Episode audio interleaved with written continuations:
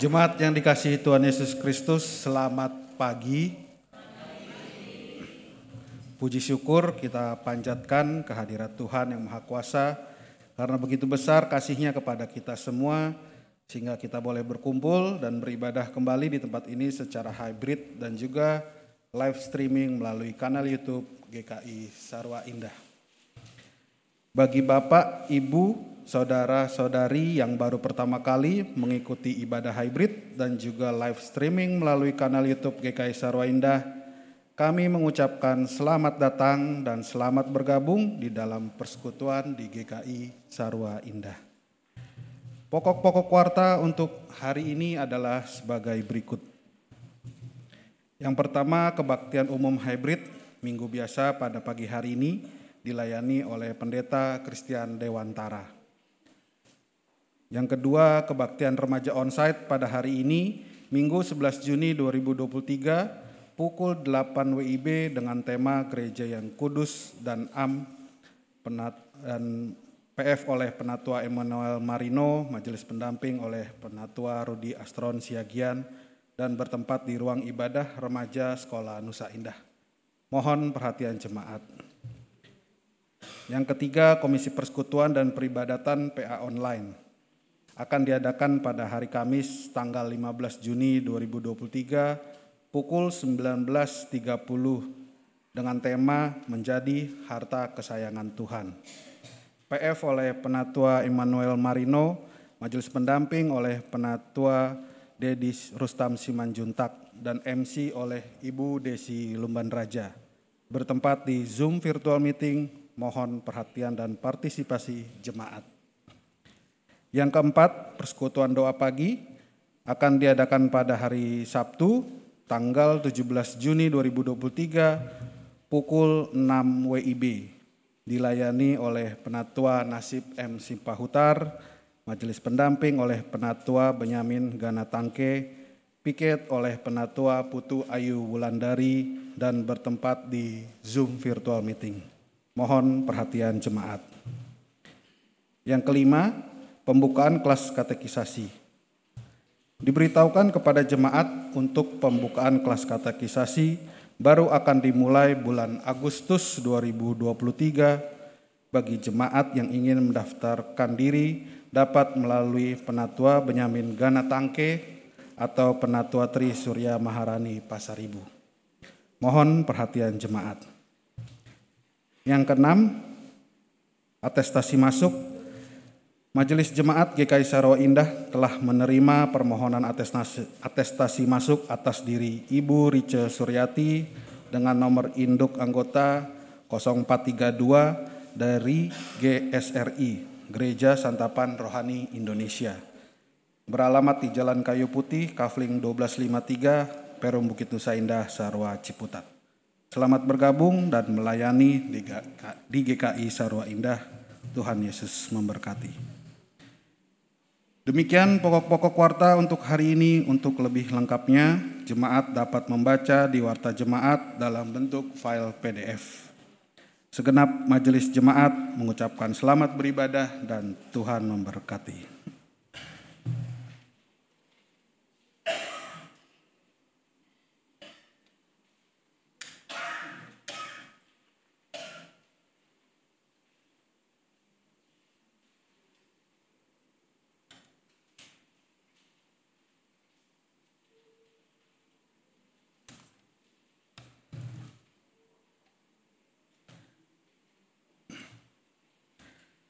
Tidak ada seperti engkau di antara para Allah, ya Tuhan. Dan tidak ada seperti apa yang kau buat. Segala bangsa yang kau jadikan akan datang sujud menyembah di hadapanmu, ya Tuhan. Dan akan memuliakan namamu, sebab engkau besar dan melakukan keajaiban-keajaiban. Engkau sendiri saja Allah. Mazmur 86 ayat 8 sampai dengan 10. Oleh karena itu, Marilah kita menyanyikan pujian dan menaikkan sembah bagi Allah dan Raja kita. Kami undang jemaat untuk bangkit berdiri. Mari kita angkat pujian dari NKB 5 bait pertama sampai kedua seluruh dunia hai nyanyikanlah.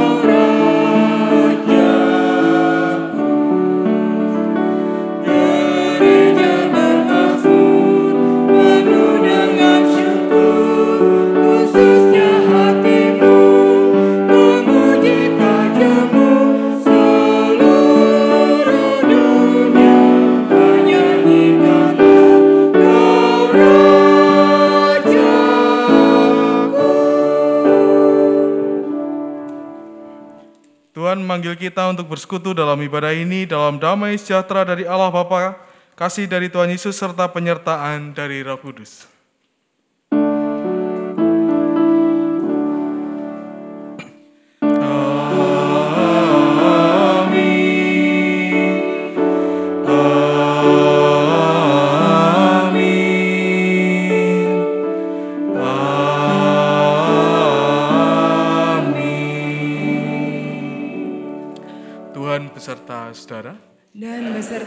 Saudara juga.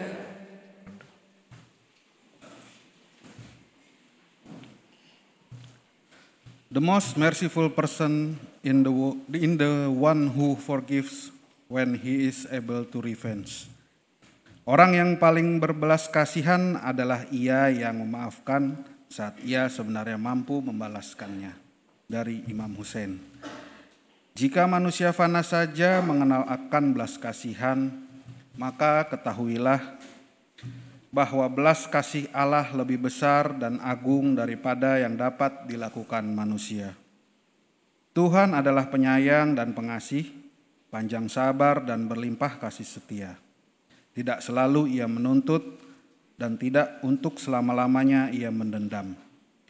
Tidak dilakukannya kepada kita setimpal dengan dosa kita dan tidak dibalasnya kepada kita setimpal dengan kesalahan kita. Mazmur 103 ayat 8 sampai dengan 10. Namun bagaimanakah respon kita terhadap kasih Allah yang agung itu? Apakah kita juga berbelas kasih terhadap sesama kita tanpa pertimbangan untung rugi, tanpa mengharapkan balasan, dan tanpa memandang bulu? Mari kita angkat pujian dari PKJ 179 bait pertama sampai dengan kedua. Kasih paling agung. Kasih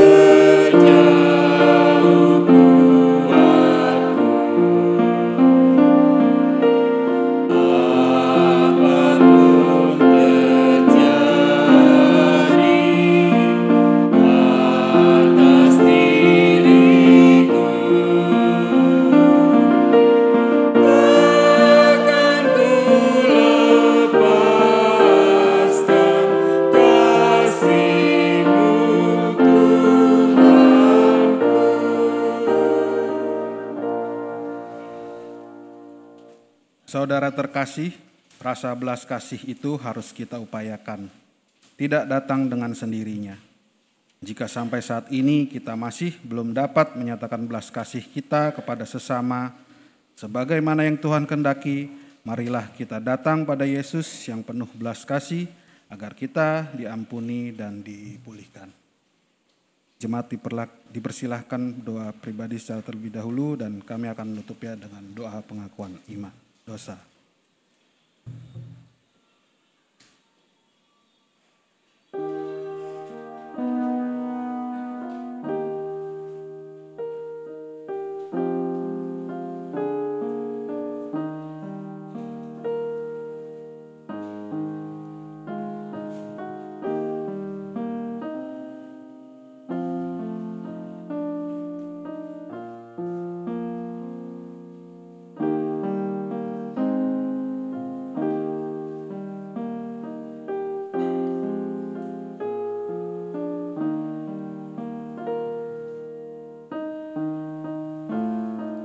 Bapa di dalam nama Tuhan Yesus pada kesempatan hari ini kami datang ke dalam hadiratmu dengan segala kerendahan hati kami.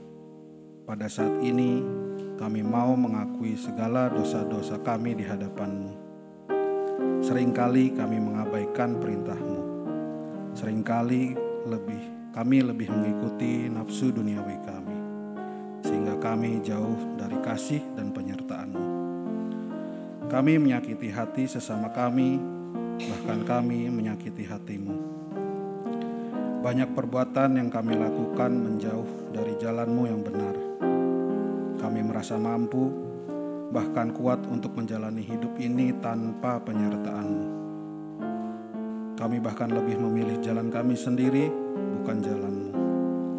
Kami sadar akan kecenderungan hati kami untuk berbuat jahat, kami menyadari dosa yang kami perbuat, sehingga kami dipenuhi dengan rasa bersalah. Kehilangan sukacita, bahkan kehilangan damai sejahtera daripadamu. Karena itu ya Bapa, kiranya Engkau berkenan mengampuni dosa dan kesalahan yang telah kami perbuat. Kami mohon belas kasih-Mu ya Bapa. Kiranya kami mendapatkan kasih karuniamu sehingga kami bisa memperbaiki hidup kami dan hidup seturut dengan kehendak-Mu. Biarlah kami datang kepadamu yang penuh belas kasih dan mohon agar kami diampuni dan dipulihkan. Di dalam nama Tuhan Yesus kami telah berdoa. Amin.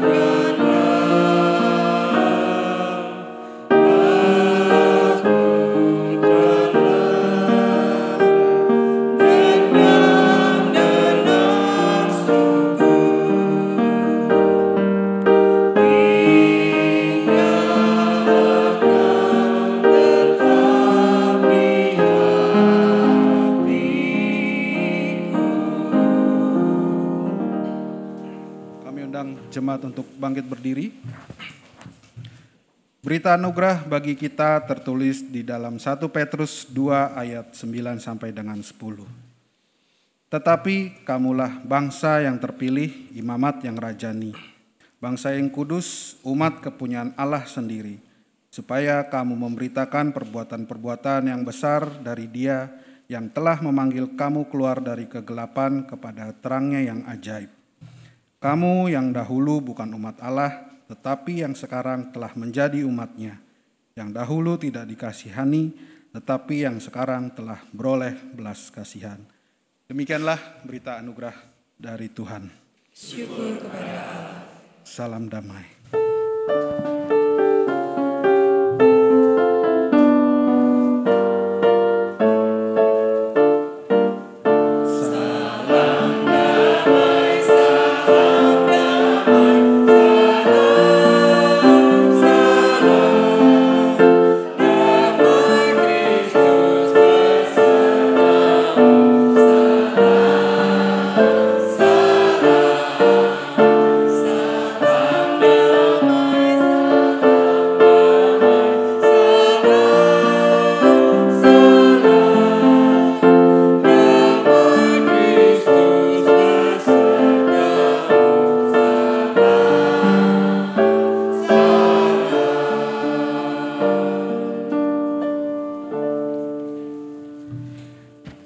kita angkat nyanyian kesanggupan kita dari KJ 39 bait pertama sampai dengan ketiga ku diberi belas kasihan. Kasihan, Allah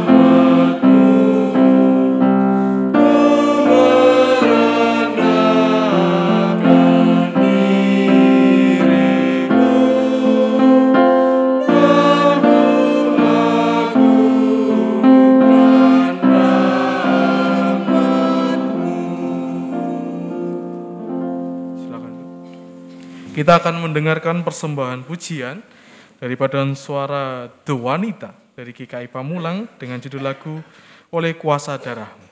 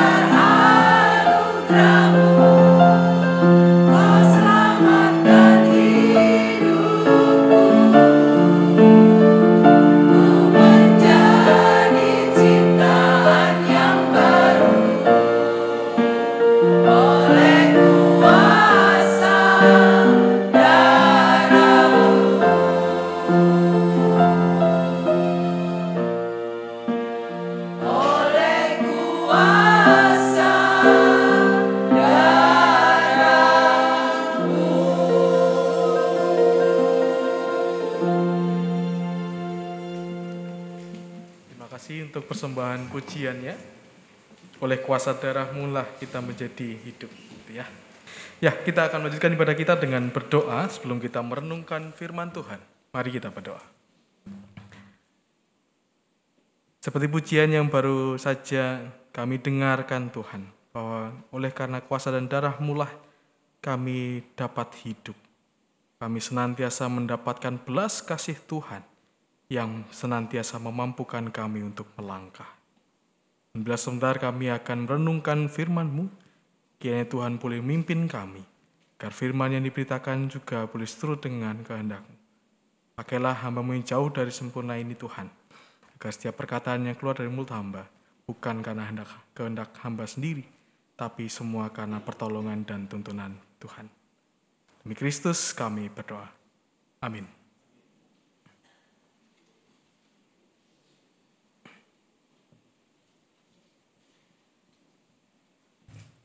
Pembacaan kitab Hosea pasal 5 ayat 15 sampai pasal 6 sampai dengan ayatnya yang ke-6. Hosea pasal 5 ayat 15 sampai pasal 6 sampai dengan ayatnya yang ke-6. Aku akan pergi pulang ke tempatku sampai mereka mengaku bersalah dan mencari wajahku. Dalam kesesakannya mereka akan merindukan aku. Mari kita akan berbalik kepada Tuhan, sebab dialah yang telah menerkam dan yang akan menyembuhkan kita, yang telah memukul dan yang akan membalut kita. Ia akan menghidupkan kita sesudah dua hari. Pada hari yang ketiga, ia akan membangkitkan kita dan kita akan hidup di hadapannya. Marilah kita mengenal dan berusaha sungguh-sungguh mengenal Tuhan. Ia pasti muncul seperti fajar, ia akan datang kepada kita seperti hujan seperti hujan pada akhir musim yang mengairi bumi. Apakah yang akan kulakukan kepadamu, hai Efraim? Apakah yang akan kulakukan kepadamu, hai Yehuda? Kasih setiamu seperti kabut pagi dan seperti embun yang hilang pagi-pagi benar. Sebab itu aku telah meremukkan mereka dengan perantara nabi-nabi. Aku telah membunuh mereka dengan perkataan mulutku dan hukumku keluar seperti terang. Sebab aku menyukai kasih setia dan bukan korban sembelihan, dan menyukai pengenalan akan Allah lebih daripada korban-korban bakaran. Demikianlah sabda Tuhan. Syukur.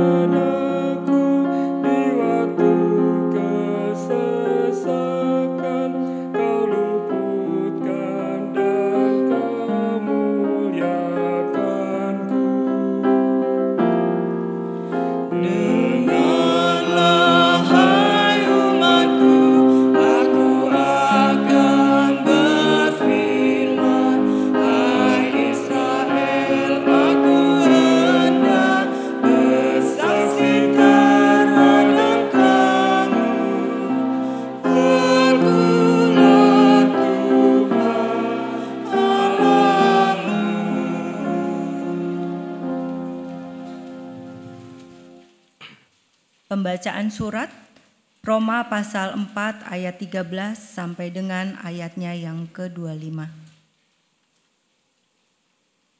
Roma pasal 4 ayat 13 sampai dengan ayatnya yang ke-25.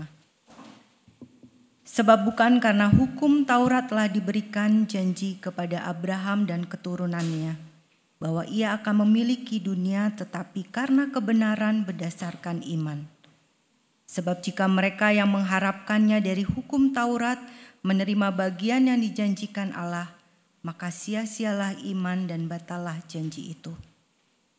Karena hukum Taurat membangkitkan murka, tetapi di mana tidak ada hukum Taurat, di situ tidak ada juga pelanggaran. Karena itulah kebenaran berdasarkan iman supaya merupakan kasih karunia. Sehingga janji itu berlaku bagi semua keturunan Abraham, bukan hanya bagi mereka yang hidup dari hukum Taurat, tetapi juga bagi mereka yang hidup dari iman Abraham. Sebab Abraham adalah bapa kita semua. Seperti ada tertulis, engkau telah kutetapkan menjadi bapa banyak bangsa di hadapan Allah yang kepadanya ia percaya, yaitu Allah yang menghidupkan orang mati dan menjadikannya dan menjadikan dengan firman-Nya apa yang tidak ada menjadi ada. Sebab sekalipun tidak ada dasar untuk berharap, namun Abraham berharap juga dan percaya bahwa ia akan menjadi bapa banyak bangsa. Menurut yang telah difirmankan, demikianlah banyaknya nanti keturunanmu. Imannya tidak menjadi lemah walaupun ia mengetahui bahwa tubuhnya sudah sangat lemah. Karena usianya telah kira-kira 100 tahun dan bahwa rahim Sarah telah tertutup. Tetapi terhadap janji Allah ia tidak bimbang karena ketidakpercayaan. Malah ia diperkuat dalam imannya dan ia memuliakan Allah. Dengan penuh keyakinan bahwa Allah berkuasa untuk melaksanakan apa yang telah ia janjikan. Karena itu hal ini diperhitungkan kepadanya sebagai kebenaran. Kata-kata ini yaitu hal ini diperhitungkan kepadanya tidak tertulis untuk Abraham saja, tetapi ter- ditulis juga untuk kita. Sebab kepada kita pun Allah memperhitungkannya, karena kita percaya kepada Dia yang telah membangkitkan Yesus Tuhan kita dari antara orang mati, yaitu Yesus yang telah diserahkan karena pelanggaran kita dan dibangkitkan karena pembenaran kita. Demikianlah sabda Tuhan. Bacaan Injil Yesus Kristus diambil dari Injil Matius pasal 9. Injil Matius pasal 9 kita akan membaca ayat 9 sampai 13, lalu dilanjutkan ayat 18 sampai 26. Injil Matius pasal 9 ayat 9 sampai 13 dan dilanjutkan ayat 18 sampai 26. Demikianlah firman Tuhan. Setelah Yesus pergi dari situ, ia melihat seorang yang bernama Matius duduk di rumah cukai. Lalu ia berkata kepadanya, "Ikutlah aku." Maka berdirilah Matius lalu mengikut dia. Kemudian ketika Yesus makan di rumah Matius, datanglah banyak pemungut cukai dan orang berdosa dan makan bersama-sama dengan dia dan murid-muridnya. Pada waktu itu, orang Farisi melihat hal itu. Berkatalah mereka kepada murid-murid Yesus, mengapa gurumu makan bersama-sama dengan pemungut cukai dan orang berdosa? Yesus mendengarnya dan berkata, bukan orang sehat yang memerlukan tabib, tetapi orang sakit. Jadi pergilah dan pelajarilah arti firman ini. Yang ku kehendaki ialah belas kasihan dan bukan persembahan. Karena aku datang bukan untuk memanggil orang benar, melainkan orang berdosa. Sementara Yesus berbicara demikian kepada mereka, datanglah seorang kepala rumah ibadat, lalu menyembah dia dan berkata, Anakku perempuan baru saja meninggal, tapi datanglah dan letakkanlah tanganmu atasnya, maka ia akan hidup. Lalu Yesus pun bangunlah dan mengikuti orang itu bersama-sama dengan murid-muridnya. Pada waktu itu seorang perempuan yang sudah 12 tahun lamanya menderita pendarahan, maju mendekati Yesus dari belakang dan menjamah jumbai jubahnya. Karena katanya dalam hatinya, asalku jamah saja jubahnya, aku akan sembuh. Tetapi Yesus berpaling dan memandang dia serta berkata, Teguhkanlah hatimu, hai anakku, imanmu telah menyelamatkan engkau. Maka sejak saat itu sembuhlah perempuan itu.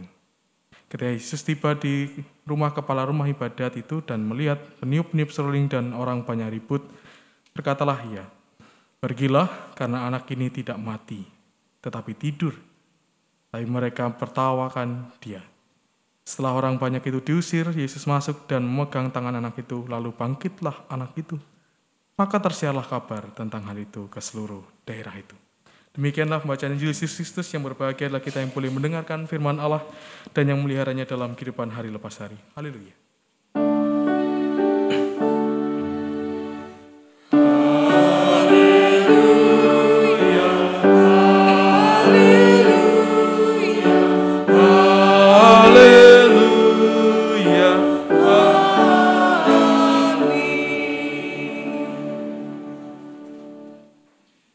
Bapak Ibu saya, saya mau tanya eh, untuk mengawali khotbah pada hari ini, ada yang pernah nyogok? Oh ini pertanyaannya frontal ini. Ada yang pernah nyogok? Pernah ya. Dalam konteks yang seperti apa? Cari SIM? Ya. Atau pindah domisili KTP? Atau apa lagi? Loh, enggak usah malu-malu, saya juga pernah. Saya juga pernah jatuh dalam pencobaan seperti itu gitu ya. Ada? Banyak? Wah ini, kok banyak kok ngeri nih. Tapi saudara, kalau sering kali ketika kita berbicara sogok dan suap menyuap gitu ya, yang selalu disalahkan siapa? Siapa yang disalahkan? Pihak kedua itu siapa Pak? Yang nerima ya? Kamu sih nerima sogoan gitu ya. Sering kali begitu ya. Ah, itu sih soalnya nerima sogoan. Pernah enggak terpikirkan kenapa orang itu menerima? Karena ada yang ngasih loh. Ya? Oh, Seringkali kita tidak menyadari bahwa orang ada situasi seperti ini karena masih ada apa? Orang yang mau memberi. Coba kalau semua orang Indonesia mau taat seperti itu, lama-lama pasti akan hilang. Lama-lama pasti orang akan malu. Yang awalnya menjadi sebuah budaya, lama-lama menjadi sebuah dianggap penyimpangan, lalu lama-lama akan menjadi sesuatu yang memalukan gitu. Nah, persoalannya, ya ini harus kita sadari, sering kali terang-terangan. Lalu pertanyaan kedua, kenapa sih orang sampai menyogok? Kalau ditanya begitu kan, Bapak Ibu dulu deh.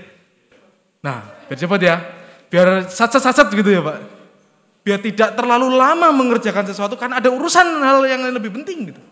Bukankah itu menunjukkan bahwa ada, selain memang betul itu dibuat lama begitu ya, bahwa kita punya sikap tidak mau taat dan tekun. Maunya apa? Instan. Maunya kita hanya mendapatkan sesuatu dengan cepat tanpa mau berproses. Tanpa mau melihat bahwa sebuah proses ini ada sesuatu yang seharusnya memang dikerjakan demikian. Nah bacaan kita hari ini Bapak Ibu Saudara, ada dua kitab yang menunjukkan sebuah perkataan yang sangat penting. Yaitu tentang dari Yohan, dari Hosea dan Matius yang mengatakan bahwa Tuhan tidak menghendaki persembahan, tetapi menghendaki kasih setia dan pengenalan akan Allah dalam Hosea dan belas kasihan dalam Matius. Wah ini. Berarti nggak usah ngasih persembahan? Loh, ini saya tanya loh ini. Berarti begitu, enggak usah ngasih persembahan? Kasihan majelisnya Bapak Ibu Saudara. kita melihat bahwa bacaan kita ini seakan-akan Tuhan mau ngomong, Tuhan tidak butuh duitmu, tidak butuh persembahan. Tapi hal yang paling penting adalah pengenalan akan Tuhan, kasih setia dan belas kasihan. Nah kira-kira kenapa sih kok sampai begitu? Apa maksud Tuhan begitu ya? Masa benar sih persembahan itu ditolak begitu ya? Apakah benar persembahan itu tidak dibutuhkan dan sehingga Tuhan mengatakan demikian? Atau jangan-jangan seperti tadi Bapak Ibu Saudara sempat saya dengar, ada hal tersembunyi dari persembahan itu yang Tuhan tidak kehendaki. Ada hal tersembunyi yang ter, diselipkan begitu ya oleh banyak orang di dalam persembahan. Nah, dari konteks bacaan kita sebenarnya ada hal yang menarik gitu ya. Agaknya kedua jemaat bangsa Israel ketika zaman Hosea dan juga zaman Yesus itu punya tipikal yang sama. Apa kesamaannya? Ketika saya merenungkan dan membaca beberapa info, tampaknya mereka ini punya gaya hidup yang gak jauh beda, 11-12 lah apa? Taat beribadah, tapi kelakuannya gilani kalau orang Jawa bilang. Mereka taat betul dalam ritual-ritual, mereka benar-benar orang yang mengerti isi Taurat, tetapi sikapnya benar-benar tidak mencerminkan itu. Justru sebaliknya. Jadi mereka dalam kehidupan hari demi harinya dikenal sebagai orang yang wah luar biasa alim. Tetapi ternyata ketika orang berjumpa dan bergesekan dengan dia, dia tidak menemukan bahwa apakah benar ini orang alim. Gitu. Ini yang menjadi persoalan. Mereka mementingkan kepentingan sendiri. Dan kenapa Tuhan mengatakan persembahan? Ini soalnya. Mereka juga menyogok.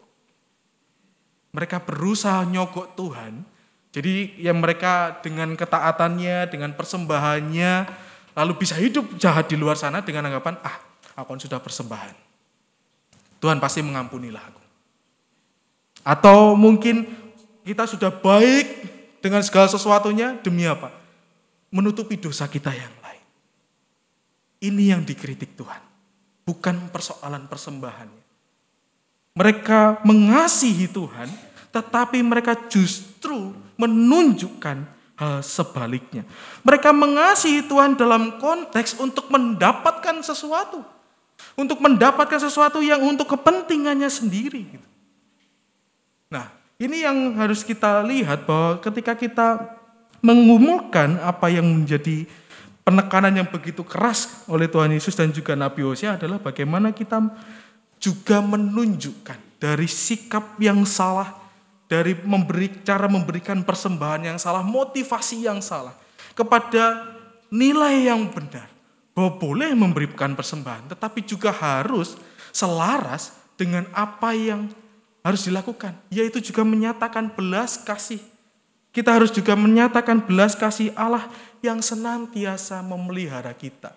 Jadi maunya Tuhan itu menghendaki kita itu seimbang Bapak Ibu Saudara.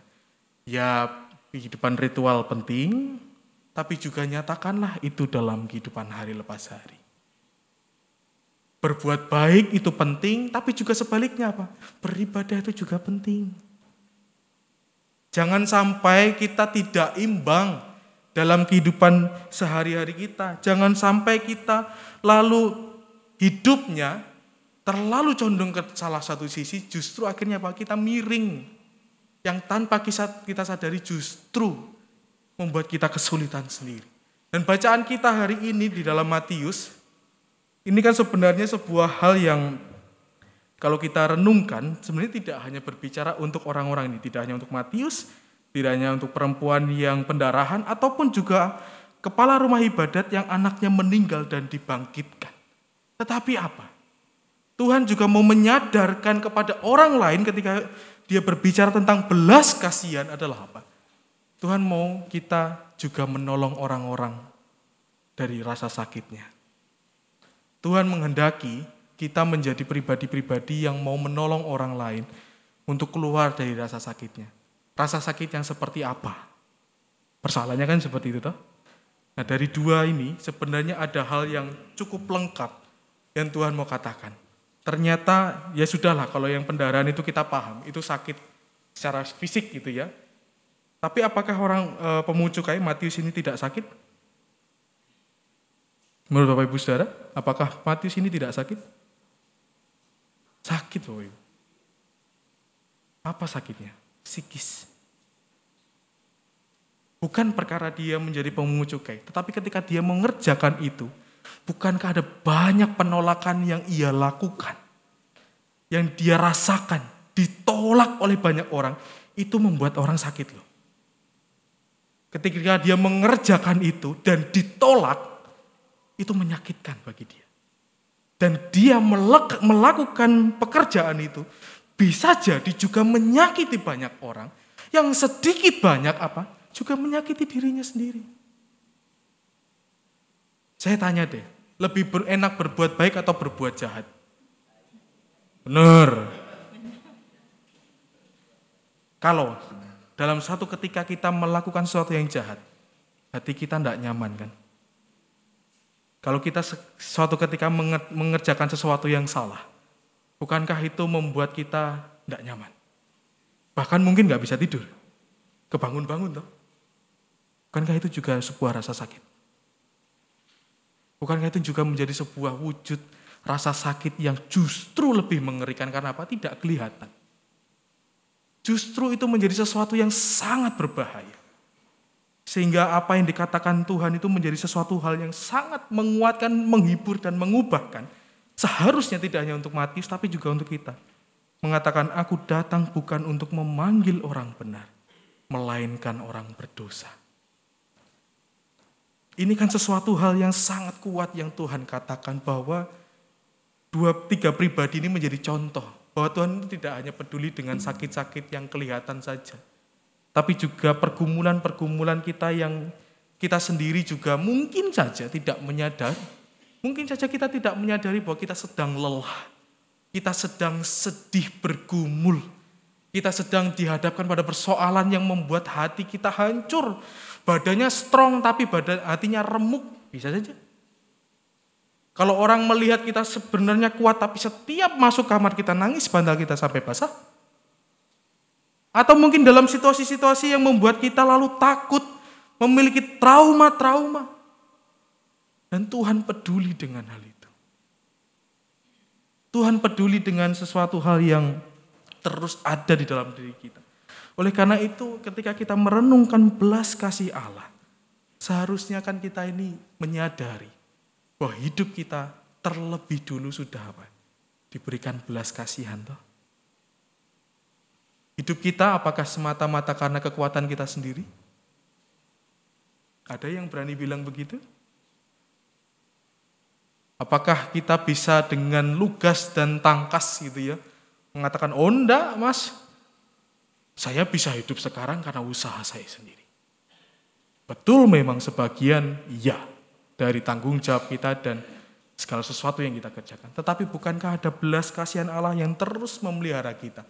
Bahkan ini yang tidak kita sadari sering kali. Bahkan ketika kita tidur pun belas kasih Allah itu ada. Contohnya apa? Ini saya ingat sharing salah satu jemaat di Jogja. Ketika gempa Jogja tahun 2002, 2006, yang lalu. Tuhan membuat dia sakit masuk angin yang benar-benar nggak bisa ditahan. Sampai dia tidak mampu untuk ke kasurnya dan hanya ketiduran di kursi depan. Dan gempa itu terjadi. Apa yang terjadi? Kasur itu, rumahnya dia itu, kasurnya itu persis di kayu utama penyangga rumah itu. Dan kayu itu jatuh. Mematahkan kasur itu. Coba seandainya, seandainya. Kalau Tuhan tidak ngasih masuk angin, beser mungkin. Bablas mungkin. Mungkin dia akan menjadi korban. Itulah wujud belas kasihan Tuhan. Apa yang mau saya katakan? Kadang wujud belas kasihan Tuhan itu tidak tentang berbicara hal-hal yang enak. Tidak hanya berbicara tentang hal-hal yang indah seperti orang mengatakan berkat Tuhan itu begini. Tapi kadang belas kasihan Tuhan juga sebuah didikan. Belas kasihan itu juga kadang berbentuk sesuatu yang menyakitkan mungkin bagi kita. Tetapi itu akan mengubah kita untuk sesuatu hal yang lebih besar. Pemungut cukai ini didatangi Tuhan, apakah Tuhan mendukung apa yang mereka lakukan? Tidak. Tetapi pasti Tuhan menginginkan mereka berubah. Tuhan menginginkan bahwa dalam segala hal yang kamu kerjakan berubahlah, peganglah nilai yang Tuhan tunjukkan. Karena kita sudah mendapatkan belas kasihan dari Tuhan. Oleh karena itu sadarilah kasih Allah dalam berbagai cara. Sekaligus nyatakanlah kasih Allah itu dalam berbagai cara yang kita mampu. Kita perlu mengingat bahwa kita dibenarkan dan mendapatkan belas kasihan dari Allah seperti yang tadi dikatakan juga dalam Hosea, kita dibangkitkan di hari yang ketiga bersama dengan Kristus. Ini menunjukkan apa? Bahwa Tuhan keselamatan yang diberikan kepada kita ini bukan sesuatu yang gemen-gemen Bapak Ibu Saudara. Kalau orang Jawa bilang. Bukan sesuatu yang sepele dan hal yang sederhana. Enggak. Tetapi apa yang diberikan Tuhan kepada kita adalah sesuatu hal yang sangat mendasar. Oleh karena itu ketika kita mendapatkan belas kasihan, dan hidup kita seperti itu. Pertanyaannya, apa yang mau kita sombongkan? Kalau kita tidak mau menyatakan belas kasih Tuhan. Pertanyaannya hanya itu. Apa yang mau kita banggakan sehingga kita tidak mau menyatakan belas kasih Tuhan itu? Oh kita aja dikasih. Hidup kita aja pemberian. Sekali lagi, bentuk belas kasihan itu bisa bermacam-macam. Bisa merengkuh bisa mendidik, bisa sebuah pergumulan yang justru akan mendewasakan kita. Ikut Tuhan tuh kadang tuh tidak enak. Bahkan Tuhan mengatakan apa? Pikulah salibmu. Itu kan menunjukkan bahwa ada satu hal yang harus kita kerjakan bahkan mungkin dalam ketidaknyamanan yang kita miliki. Dalam pergumulan yang kita, kita miliki. Dari situlah Tuhan menunjukkan justru belas kasihannya kepada kita.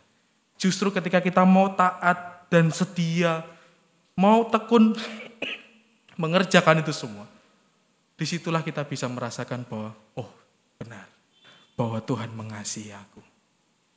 Nah pertanyaannya begini, kita ini ada di orang yang tipe berapa? Yang pertama, apakah kita ini merasa tidak perlu ke gereja yang penting berbuat baik? Oh, tapi ini datang ke gereja semua sih ya. Yang lihat di YouTube mungkin. Ya. Kita merasa tidak perlulah ke gereja, yang penting aku jadi orang Kristen yang baik. Itu kita merasa sudah cukup gitu ya.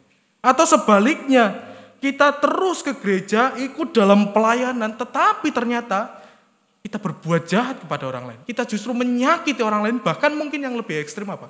Menyakiti orang lain dalam pelayanan yang kita lakukan. Kita merasa ya yang penting kan aku sudah ke gereja. Ya sudah.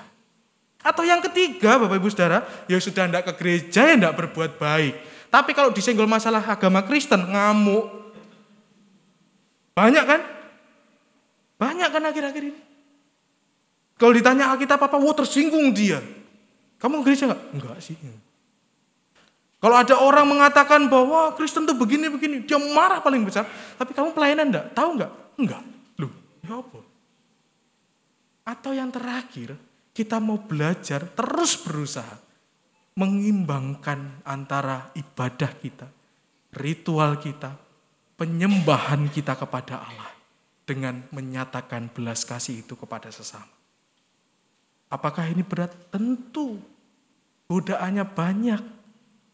Ya contohnya lah, kalau ibu saudara yang rumahnya jauh dari sini, bangun pagi jam berapa? untuk berangkat ke gereja? Jam 6 atau jam 5 mungkin?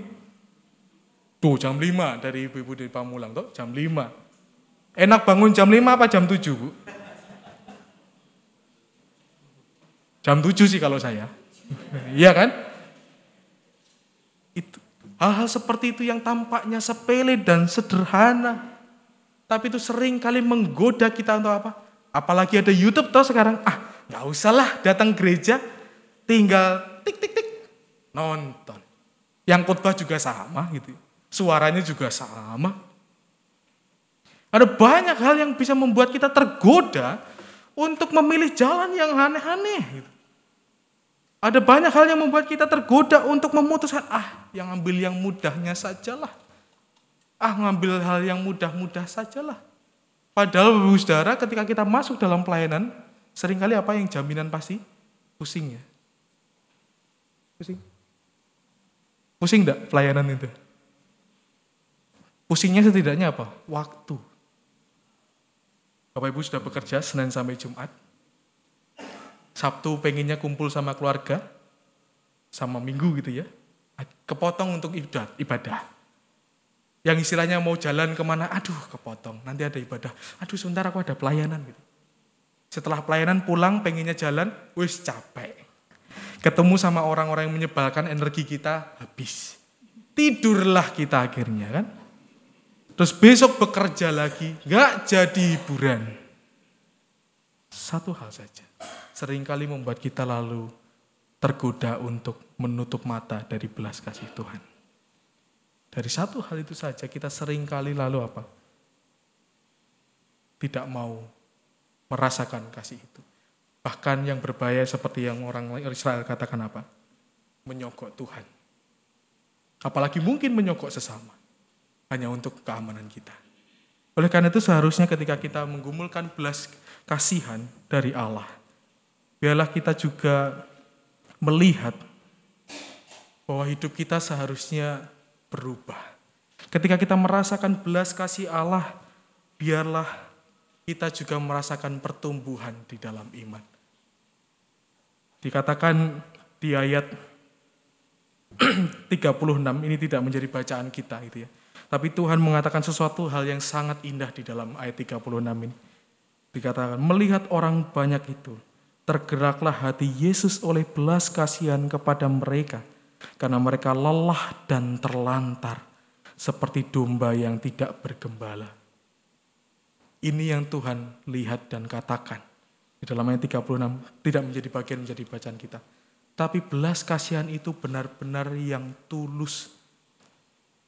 Atau kita kan semua menjadi anak kan, pasti pernah merasakan kasih orang tua kita yang begitu luar biasa saat sakit mungkin digendong, Ya kalau gendong segede saya sih nggak mungkin ya, tapi maksudnya pasti pernah lah kita semua merasakan kita sebagai anak-anak dari orang tua kita, kita ditolong dengan belas kasih yang begitu luar biasa. Bukankah itu juga seharusnya menunjukkan rasa syukur dan terima kasih? Bahkan ke orang tua kita saja bisa. Kenapa ke Tuhan tidak gitu loh. Itu yang mau saya katakan. Kalau ke orang tua kita aja yang dalam banyak keterbatasan mereka kita bisa taat, patuh, mengasihi mereka.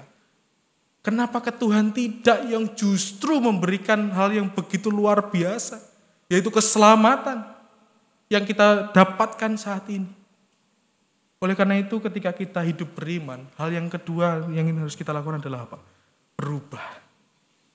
Kita melihat tadi dalam bacaan Roma, Abraham dalam kegelapan yang dijanjikan Tuhan, dia tidak tahu, kalau kemarin saya mengatakan tohu wapohu gitu ya, gelap gulita dan tidak ada apa-apa, dia tetap memiliki pengharapan itu.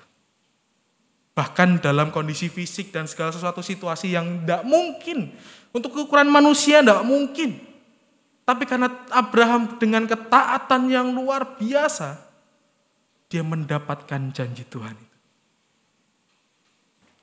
Atau dari contoh lain, kalau Bapak Ibu Saudara pernah membaca jemaat Makedonia, mereka menghadapi pergumulan yang begitu luar biasa, mereka disesah, tapi justru sukacitanya tidak pernah hilang. Bahkan mereka mau berbagi dengan jemaat di Yerusalem. Atau dari bacaan kita lah, belas kasih Allah kepada pemungut cukai dan juga perempuan ini. Bukankah karena belas kasih Allah mereka dipulihkan. Seharusnya kita pun juga menyadari ketika kita merasakan itu, mari belajar berubah ke arah yang lebih baik. Tapi ini bukan balapan, sekali lagi. Melangkahlah dengan kekuatan kita masing-masing. Tidak perlu iri dengan orang lain yang sudah berubah lebih baik daripada kita. Tidak. Teruslah berjuang. Mungkin langkahnya lebih ringan daripada kita. Mungkin langkah kita lebih berat. Tidak apa-apa. Karena kehidupan ini bukan sebuah balapan yang cepet-cepetan. Tidak. Pertandingan kita adalah pertandingan pribadi-pribadi kita. Bersama dengan Tuhan. Bukan dengan orang lain. Oleh karena itu selamat merasakan belas kasih Allah dan biarlah hidup kita dipulihkan. Tuhan berkati. Kita akan mendengarkan persembahan pujian dari PS Wanita dengan judul lagu Hatiku Percaya.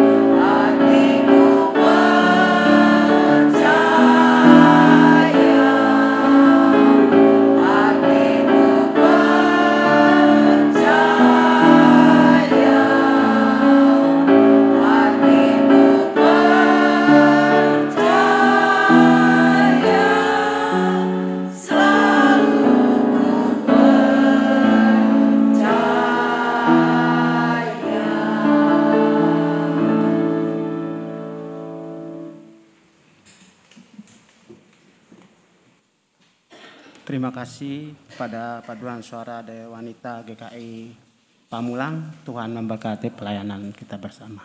Mari Bapak Ibu kita bangkit berdiri.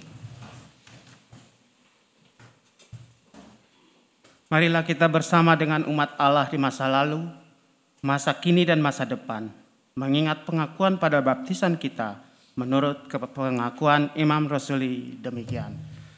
Aku percaya kepada Allah, Bapa yang Maha Kuasa, Halik langit dan bumi, dan kepada Yesus Kristus, anaknya yang tunggal Tuhan kita, yang dikandung dari roh kudus, lahir dari darah anak Maria, yang menderita sengsara, di bawah pemerintahan Pontius Pilatus, disalibkan, mati dan dikuburkan, turun ke dalam kerajaan maut. Pada hari yang ketiga, bangkit pula dari antara orang mati, naik ke surga, duduk di sebelah kanan Allah, Bapa yang Maha Kuasa. Dan dari sana ia akan datang untuk menghakimi orang yang hidup dan yang mati. Aku percaya kepada Kudus, gereja yang kudus dan aman, persekutuan orang kudus, pengampunan dosa, kebangkitan orang mati, dan hidup yang kekal. Amin. Silakan duduk.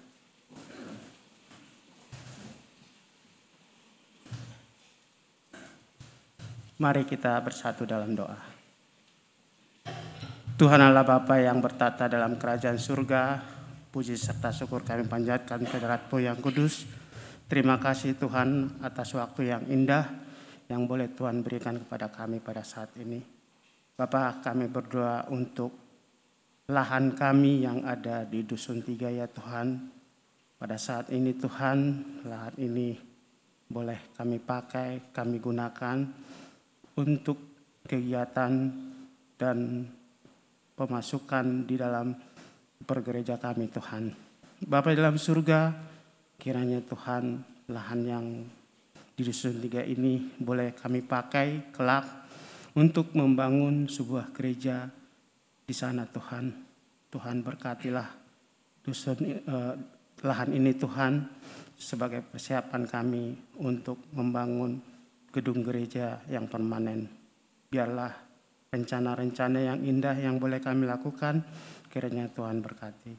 Kami juga berdoa untuk sekretariat kami Tuhan yang boleh kami pakai di dalam aktivitas kami setiap hari, pelayanan gereja kami Tuhan, Tuhan berkati.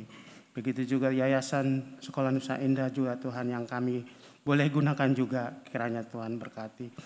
Berkati yayasan, pengurus, guru-guru dan anak-anak yang ada di Nusa Indah Bapak di dalam belajar mengajar yang boleh dilaksanakan di sekolah Nusa Indah ini Tuhan.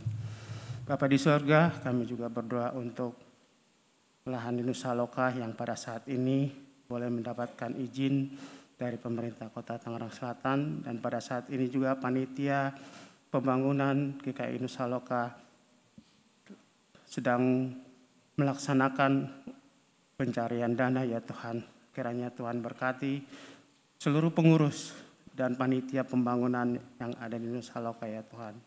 Kami berdoa juga untuk peletakan batu pertama yang akan dilaksanakan pada tanggal 17 Juni mendatang Tuhan. Tuhan Engkau berkati, Engkau sertai kiranya gereja ini boleh dibangun dan boleh berkat-berkatmu boleh melimpah sehingga proses pembangunan ini boleh berjalan dengan baik. Bapak dalam surga, inilah doa dan permohonan kami. Di dalam Kristus Yesus kami berdoa dan mengucap syukur. Amin. Kami juga berdoa Tuhan untuk saudara-saudara kami yang saat ini juga berulang tahun pada minggu ini. kami berdoa untuk saudara Hendrik Mike dari Lasro Kristri Nauli Lubis, Bapak Yosua Hotsagala, dan Bapak Riki Johannes Toping. Kami bersyukur untuk pertambahan usia yang sudah dirasakan dan juga akan dirasakan oleh saudara-saudara kami ini. Yang menyerahkan dalam tangan pengasihan Tuhan, saudara kami yang dalam masa sukacitanya merasakan pertambahan usianya, biarlah kasih Tuhan, belas kasih Tuhan boleh juga mereka rasakan terus dalam kehidupan mereka. Sehingga dalam menjalani segala sesuatu yang dilakukan, mereka pun terus berharap kepada Tuhan dan percaya bahwa kasih Tuhan yang senantiasa memampukan mereka untuk hidup dan juga menyatakan kehendak kasih Allah. Kami juga berdoa Tuhan untuk saudara kami yang masih dalam masa sakit dan pemulihan. Secara khusus kami berdoa untuk Ibu Sarajaya Sumati yang saat ini sedang dirawat di Rumah Sakit Fatmawati yang menanti jadwal untuk operasi. Kiranya Tuhan boleh menyertai Sarah dalam segala hal yang dilakukan hari demi hari ketika masih harus terbaring di kamar perawatan dan menantikan jadwal operasi dari dokter. Biarlah Tuhan berikan kesabaran dan sukacita di dalam pergumulan. Biarlah kasih Tuhan boleh memampukan saudara terkasih kami ini Tuhan, sehingga dalam melewati masa-masa sakitnya ini, Ibu Sarah tetap juga dapat merasakan dan memiliki kesemangat dari Tuhan. Kami juga berdoa untuk saudara kami yang juga dalam pemulihan.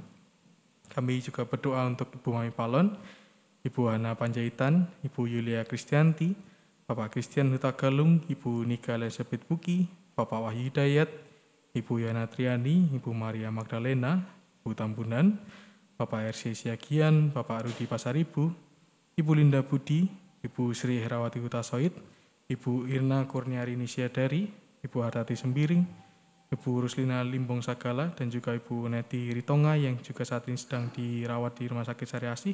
Kiranya Tuhan boleh melawat saudara kami ini dalam tangan pengasihanmu, sehingga melalui obat-obatan dokter, mereka juga boleh merasakan kesembuhan dari Tuhan. Dan biarlah juga Tuhan tetap memberikan hati yang gembira kepada saudara kami ini dalam masa pemulihan. Sehingga dalam segala sesuatu yang mereka hadapi dalam kelemahan tubuhnya, mereka tetap dapat merasakan kasih-Mu. Kami juga berdoa Tuhan untuk segenap jemaat dan simpatisan GKI Sarwa Indah dalam segala pekerjaan, usaha, dan aktivitas hari demi hari. Kiranya Tuhan boleh memberkati kami dan juga menuntun kami agar kami juga dapat menyatakan belas kasih Tuhan kepada sesama kami dalam segala hal yang kami kerjakan. Biarlah dalam segala sesuatu yang kami lakukan, kami tetap menghadap hadiratmu dan tunduk kepada kehendakmu saja. Kami juga bersyukur untuk paduan suara wanita dari GKI Pamulang juga bersama dengan kami beribadah saat ini. Kiranya Tuhan juga memberkati pelayanan mereka di mana pun, baik di GKI Pamulang ataupun di gereja-gereja lain.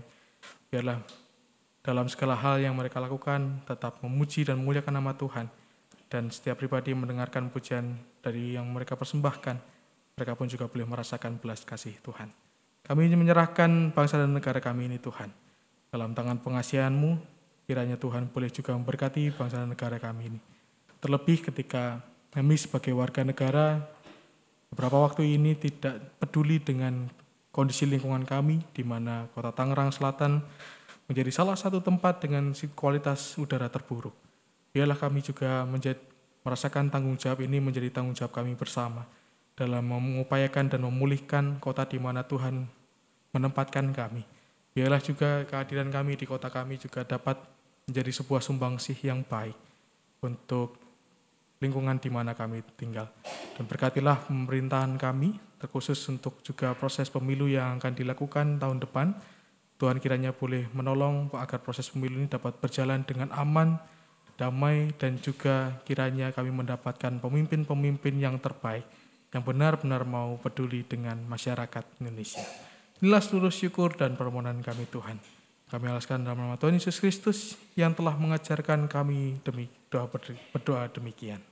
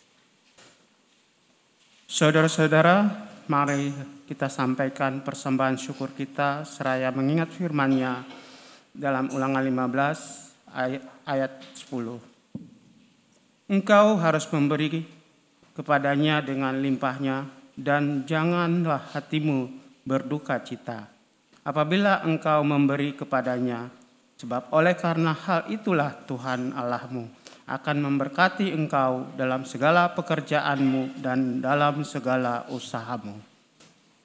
Kita bernyanyi dari Hidung Jemaat 302 bait 1 hingga 3. Kuberi persembahan.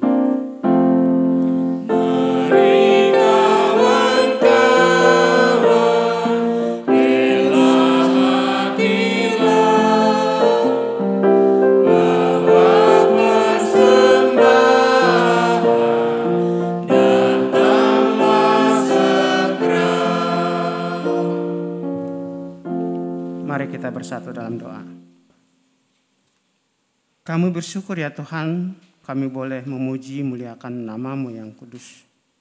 Kami boleh merasakan penyertaan Tuhan dan bersyukur atas segala berkat berkatmu. Tuhan saat ini kami boleh memberikan persembahan. Kiranya Tuhan menguduskan dan sucikan persembahan kami ini Tuhan sebagai ungkapan syukur kami. Berkatilah Tuhan setiap pribadi-pribadi yang boleh memberikan persembahan ini. Dan berkatilah kami Bapa di dalam segala usaha kami dalam segala pemberianmu itu ya Bapa. Dan ajar kami juga ya Tuhan untuk memberikan persembahan tubuh dan jiwa raga kami. Kami berdoa di dalam nama Tuhan Yesus Kristus. Amin.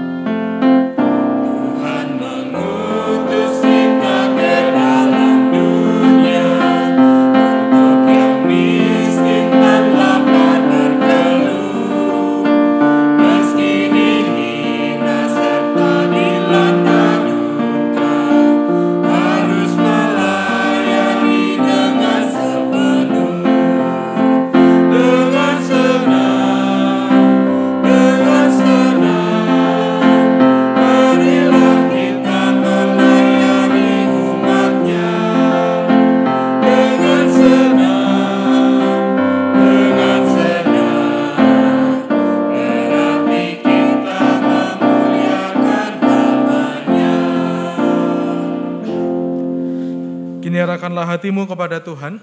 Kami mengarahkan hati kepada Tuhan. Jadilah saksi Kristus. Syukur kepada Allah. Terpujilah Tuhan. Kini dan selamanya. Dan terimalah berkat dari Tuhan.